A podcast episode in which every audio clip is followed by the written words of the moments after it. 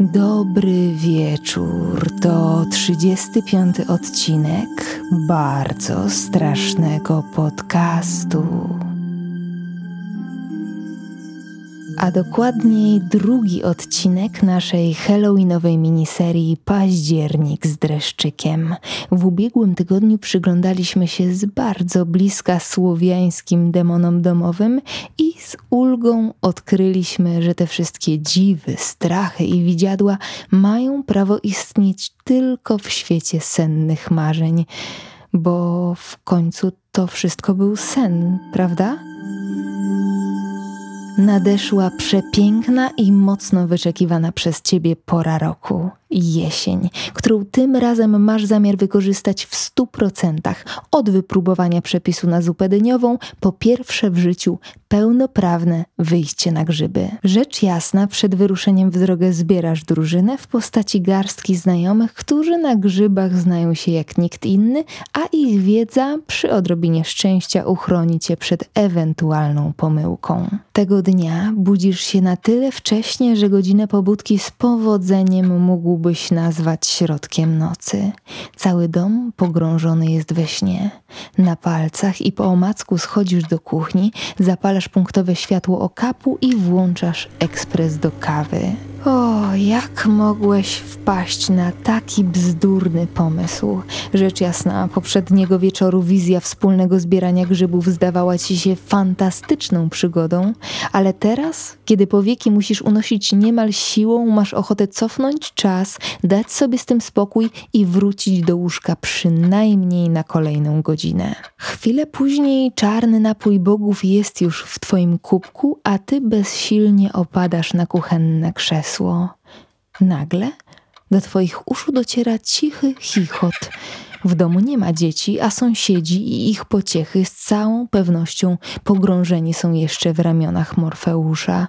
Rozglądasz się po skąpanym w półmroku pomieszczeniu i pomimo tego, że niepokojący dźwięk już się nie powtarza, to w twojej głowie mimowolnie zadźwięczały słowa Marianny. One są i w twoim świecie, tylko wiara w nie mniejsza, a żeby je można było dojrzeć, to i wiary trzeba.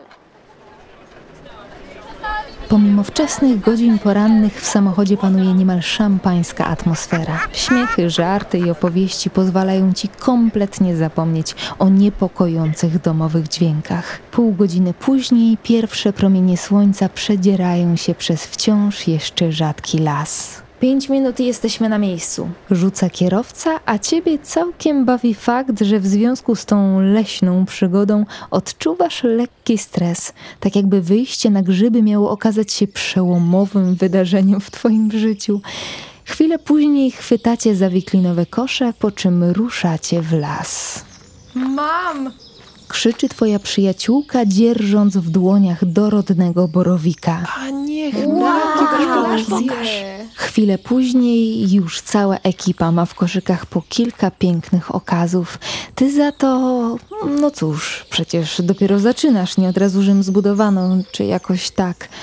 Po godzinie twój kosz w dalszym ciągu jest pusty, a ty powoli tracisz nadzieję na powodzenie tej misji. Od niechcenia wodzisz wzrokiem wśród drzew i wreszcie kilka metrów od ciebie. Tak, tak, nareszcie piękny maślaczek łypie na ciebie lśniącym od porannej rosy brązowym kapeluszem. Chwilę później trzymasz go w dłoniach i w triumfalnym geście podnosisz do góry. Mam! Słuchajcie, mam! Pokrzykujesz radośnie, ale twoja ekscytacja spotyka się z absolutną ciszą. Przez kilka sekund myślisz, że może tak naprawdę podniosłeś coś, co wcale jadalne nie było, a milczenie oznacza konsternację twoich towarzyszy. W końcu jednak odrywasz wzrok od swojej zdobyczy i rozglądasz się dookoła. Teraz już rozumiesz, dlaczego twoje małe zwycięstwo nie zostało powitane ferią zwyczajowych ochów i achów. Okazuje się bowiem, że jesteś tu zupełnie sam. Rozglądasz się nerwowo. A to dranie, na pewno robią sobie żarty, chowając się za pobliskimi krzakami. Postanawiasz wziąć ich na przeczekanie, jednak kolejne minuty samotności wprawiają cię w coraz większy niepokój. Ej, wyłaźcie no, to już nie jest śmieszne. No dajcie spokój. Dobra, nabraliście mnie zadowoleni? Cisza. Cisza, śpiew ptaków, szelest liści poruszanych lekkim wietrzykiem. Tylko nie panikuj. Powtarzasz pod nosem i starasz się przypomnieć sobie drogę powrotną na parking. W końcu dostrzegasz znajomo wyglądającą ścieżkę, którą postanawiasz podążać. Bardzo to wszystko dziwne. Byłeś pewny, że są tuż obok, a chwilę później już ich nie było. Z drugiej strony, być może, trwałeś w tym zachwycie nad nieszczęsnym maślakiem dłużej niż ci się zdawało, a oni, nie zauważając twojego braku, pomaszerowali dalej. No nic, grunt to zachować spokój, jednak ten nie pojawia się chwilę później, gdy wreszcie dochodzisz do rozwidlenia dróg. Punkt ten nie przypomina żadnego miejsca, które dziś mijałeś. Leśna dróżka rozdziela się na kształt litery Y, a między jej odnogami wyrasta mała drewniana kapliczka, dokładnie taka, jaką nieraz widywałeś podczas wizyt na wsi. Zaraz za nią dostrzegasz ruch traw, a chwilę później twoim oczom jawi się niewielka, przygarbiona postać łysego stwora, który zerka na ciebie parą rozbieganych żabich oczu. Witaj, wędrowcze, czego ci trzeba? Drogi do domu czy bajdy chleba? W tej chwili abstrakcyjny obraz dopełnia rymowanka rodem z baśni czytanych ci w dzieciństwie. Z braku lepszego pomysłu postanawiasz jednak podjąć konwersację z tym czymś. Yy, drogi do. No, no nie do domu, właściwie tylko do auta. Czy wie pan, czy, czy wiesz, jak dotrzeć na parking? Na parking, mój panie, droga jest prosta.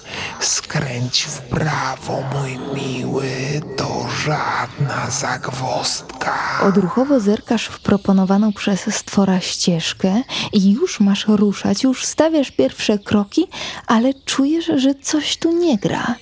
Stwór przygląda ci się wyczekująco, zacierając swoje małe dłonie w geście knowania, a ty od razu przypominasz sobie wszystkie bajki i legendy, w których takie decyzje nigdy nie kończyły się najlepiej. W tej materii wcale się nie mylisz, bo właśnie na twojej drodze stanął bełt, zwany również błądem lub błędem. Bełty były złośliwymi demonami grasującymi na rozwidleniach dróg i bezdrożach, objawiającymi się zbłąkanym wędrowcom szukającym drogi do domu. Stworzenia te wprawiały swoją ofiarę w dezorientację, przez którą ta traciła wyznaczony cel. Najczęstszymi ofiarami bełtów były osoby nietrzeźwe, które wracały późną nocą z karczmy na spoczynek. Powrót nad ranem wcale nie oznaczał wówczas pijackiego snu pod chmurką, tylko rzecz jasna atak straszliwego bełta, przez który tej nocy trudniej było wrócić do domu. Dosłownie w ostatniej chwili skręcasz w lewo i ruszasz mocno zarośniętą ścieżynką w stronę rozłożystego wąwozu. Słyszysz za sobą jęk rozczarowania, jednak postanawiasz się już nie odwracać w nadziei, że to dziwne stworzenie nie powędruje za tobą. Podczas szybkiej wędrówki błądzisz wzrokiem po zaroślach. Las, w którym się obecnie znajdujesz, niczym nie przypomina miejsca, w którym szukałeś grzybów jeszcze niecałą godzinę temu. Otacza cię dzika plątanina krzewów i gałęzi, która skutecznie uniemożliwia obserwację dalszych punktów. Powoli dociera do ciebie, że zgubiłeś się bardzo się zgubiłeś, ale przez wczesną porę i dobrze naładowany telefon, który w końcu musi znaleźć zasięg, sytuacja nie wydaje ci się beznadziejna. A może, może tak naprawdę kompletnie nie ma się czego obawiać? Może to jest do droga, którą faktycznie przyszedłeś, tylko zajęty rozmową, nie analizowałeś przestrzeni z odpowiednią wnikliwością? Nieważne. Postanawiasz skorzystać z tego spaceru i wsłuchać się w dźwięki lasu a ten brzmi jak prawdziwa orkiestra. Słyszysz charakterystyczny śpiew wilgi, brawurowe popisy słowika i dzięcioła, który nadaje całej melodii niemal taneczny rytm. Słyszysz też coś jeszcze. Szelest dobiegający z naprzeciwka, tak jakby coś podążało ścieżką w twoją stronę. Kroki są ciężkie i powolne. Czujesz, jak twój wzrok skupia się teraz na niewielkim punkcie tuż przed tobą. Pozostaje ci zastygnąć i szykować się do ewentualnej ucieczki.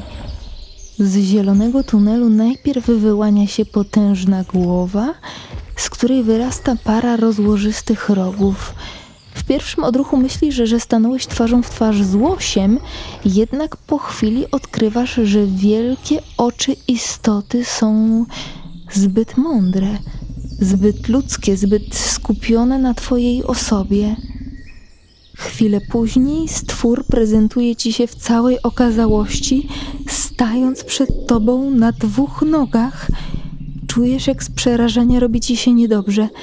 Wiesz, że jeden krok olbrzyma i zostaniesz zgnieciony jak mrówka. Wiesz, że nie możesz uciec, bo dogoniłby cię bez najmniejszego problemu i wreszcie wiesz, że nie możesz się skryć. Nie pozostaje ci nic innego, jak znieruchomieć i patrzeć, patrzeć i nie dowierzać. Wysoka sylwetka pochyla się nad tobą ze złowrogim pomrukiem, po czym na nowo prostuje się i wyciąga kościstą, przypominającą gałęzie dłoń w geście wskazującym drogę. To leszy, zwany również wilczym pasterzem, borowym laskowcem czy borutą. Według słowiańskich wierzeń jest władcą lasu. Na wschodzie uważany był również za pana umarłych. Chrześcijaństwo, rzecz jasna, połączyło tę pradawną istotę z siłami nieczystymi, dlatego Boruta może kojarzyć nam się dziś z diabłem. Podobny los czekał zresztą innych mieszkańców Kniei, czyli Biesa i Czarta. Wracając jednak do Boruty lub jak kto woli Leszego, jego przedstawienia różnią się w zależności od regionu. Najczęstszym z nich jest postać starca z białą twarzą i długą brodą przypominającą sosnowe igły.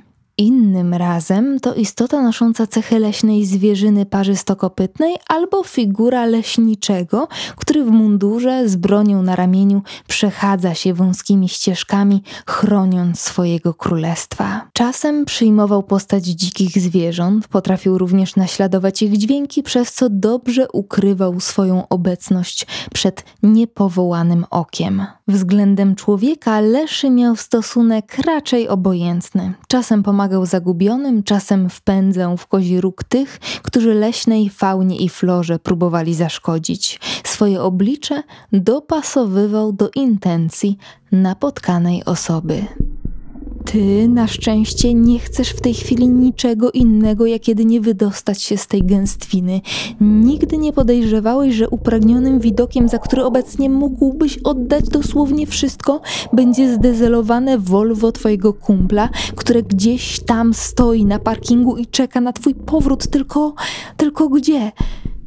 Z braku lepszego wyjścia postanawiasz iść za wskazówką upiornej istoty – na miękkich nogach mijasz jego pokryte korą, pachnące wilgocią runa ciało i ruszasz przed siebie. Chwilę później po tajemniczej istocie nie ma już śladu. Musiało ci się przewidzieć.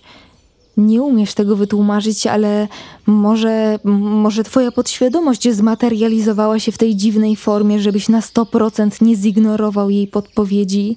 Zresztą nieważne. Po 30 minutach bardzo szybkiego marszu i wypatrywania śladów cywilizacji postanawiasz przystanąć. Twój telefon w dalszym ciągu nie ma zasięgu, a ty czujesz, jak do twoich oczu stopniowo napływają łzy bezsilności. Zdaje ci się, że las, który na mapie nie wydawał się aż tak wielki, nagle rozlał się na setki kilometrów. W pewnej chwili twoją panikę podsyca myśl, że krajobraz zdaje się być niezmienny, zatem kręcisz się w kółko, na domiar złego zapada zmrok. Zupełnie straciłeś rachubę czasu, przecież, przecież dopiero przyjechałeś, przecież nie mogło minąć więcej niż dwie godziny. Po chwili robi się jednak zupełnie ciemno, a ty czujesz, że coś nie gra. Odpalasz latarkę i dostrzegasz, że właśnie zapadasz się pod ziemię. Dosłownie. Tak jakby podłoże powoli połykało cię do swojego wnętrza. Instynktownie odskakujesz. Jeszcze chwilę i do samochodu maszerowałbyś w skarpetach. To chyba bagna. Ale... O! Światło!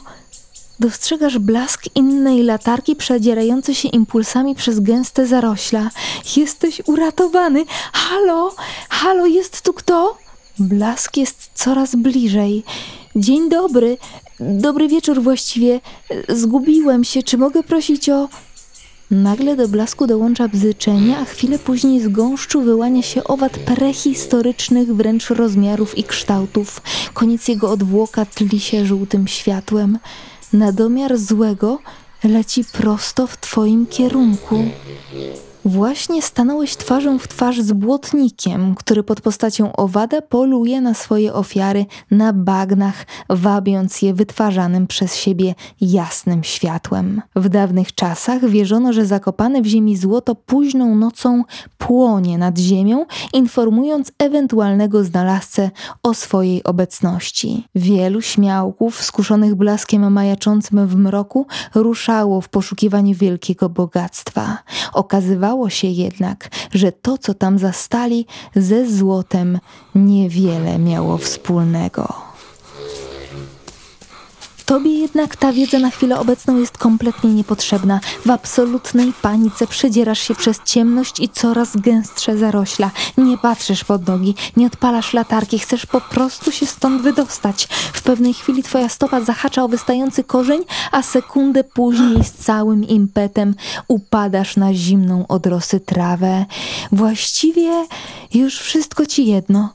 Już nie masz siły, postanawiasz się nie podnosić, czekając na śmierć, ale ta nie nadchodzi. Bzyczenie na nowo ustąpiło spokojnym dźwiękom natury.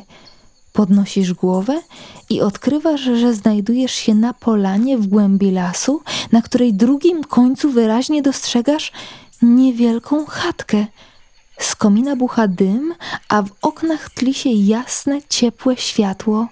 Rzecz jasna, nie zwykłeś wchodzić do obcych domów nawet w momencie absolutnego kryzysu, ale ten dzień przerósł wszystko, co dotychczas przeżyłeś i co byłeś w stanie wyśnić w najgorszych koszmarach. Bez najmniejszego zawahania ruszasz przed siebie. Otaczają cię pływające w jesiennym wietrze drzewa i nieprzenikniony mrok. W pewnej chwili, jak spod ziemi, wyrasta przed tobą czarne, nienaturalnie duże zwierzę. Nie wiesz, czy patrzysz na żywą istotę, cień, czy może coś jeszcze innego. Tak naprawdę to matocha, zwany również matolicą, kościejem czy bebokiem. Na Śląsku postacią beboka straszono niegrzeczne dzieci, które przerażająca bestia miała karać za złe zachowanie. Według niektórych podań matolica strzegła ludzi parających się magią i pilnowała, by zaklęcia nigdy nie były skierowane w stronę niewinnych osób. Zatem była uosobieniem sprawiedliwości świata magicznego. Nieposłuszne wiedźmy i czarowników okrutnie karała, zaś dobrze wykonującym swoją misję służyła i chroniła przed nieprzychylnym otoczeniem.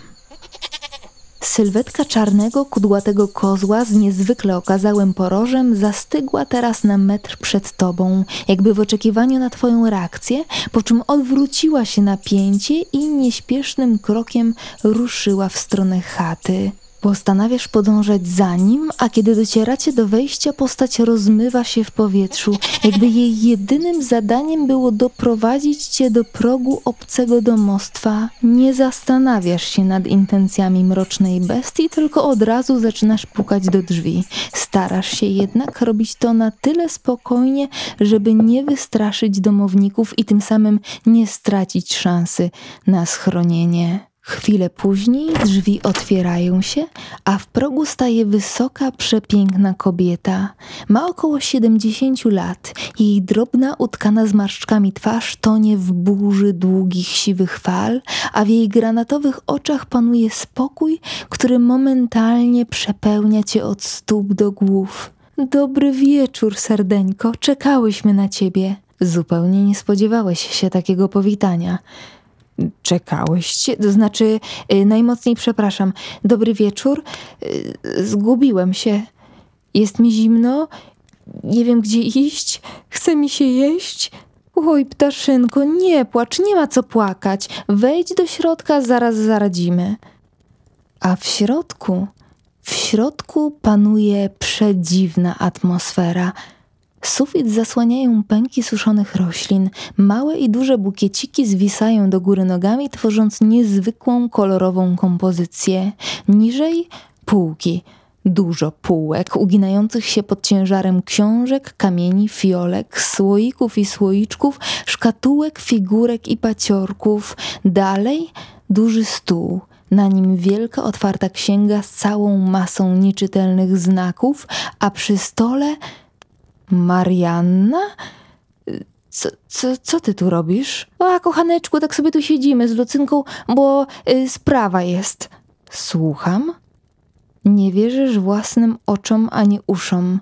Oto przy stole, w chacie w głębi lasu, po którym włóczyłeś się cały dzień, walcząc o życie z upiornymi stworami, siedzi Marianna, czyli osoba z twojego snu, a wszystko dookoła niej wygląda jak chata czarownicy żywcem wyjęta z bajki. Czy znowu śnisz? Musisz Mariance i Jankowi pomóc w sprawie niecierpiącej zwłoki, dodaje Lucyna. Zwłoki? Wyłapujesz bezmyślnie ostatnie słowo i mimowolnie wypowiadasz je na głos. No jakbyś zgadł, a teraz idzie, nie ma co czekać, trzeba się z tym diabelstwem do brzasku uporać.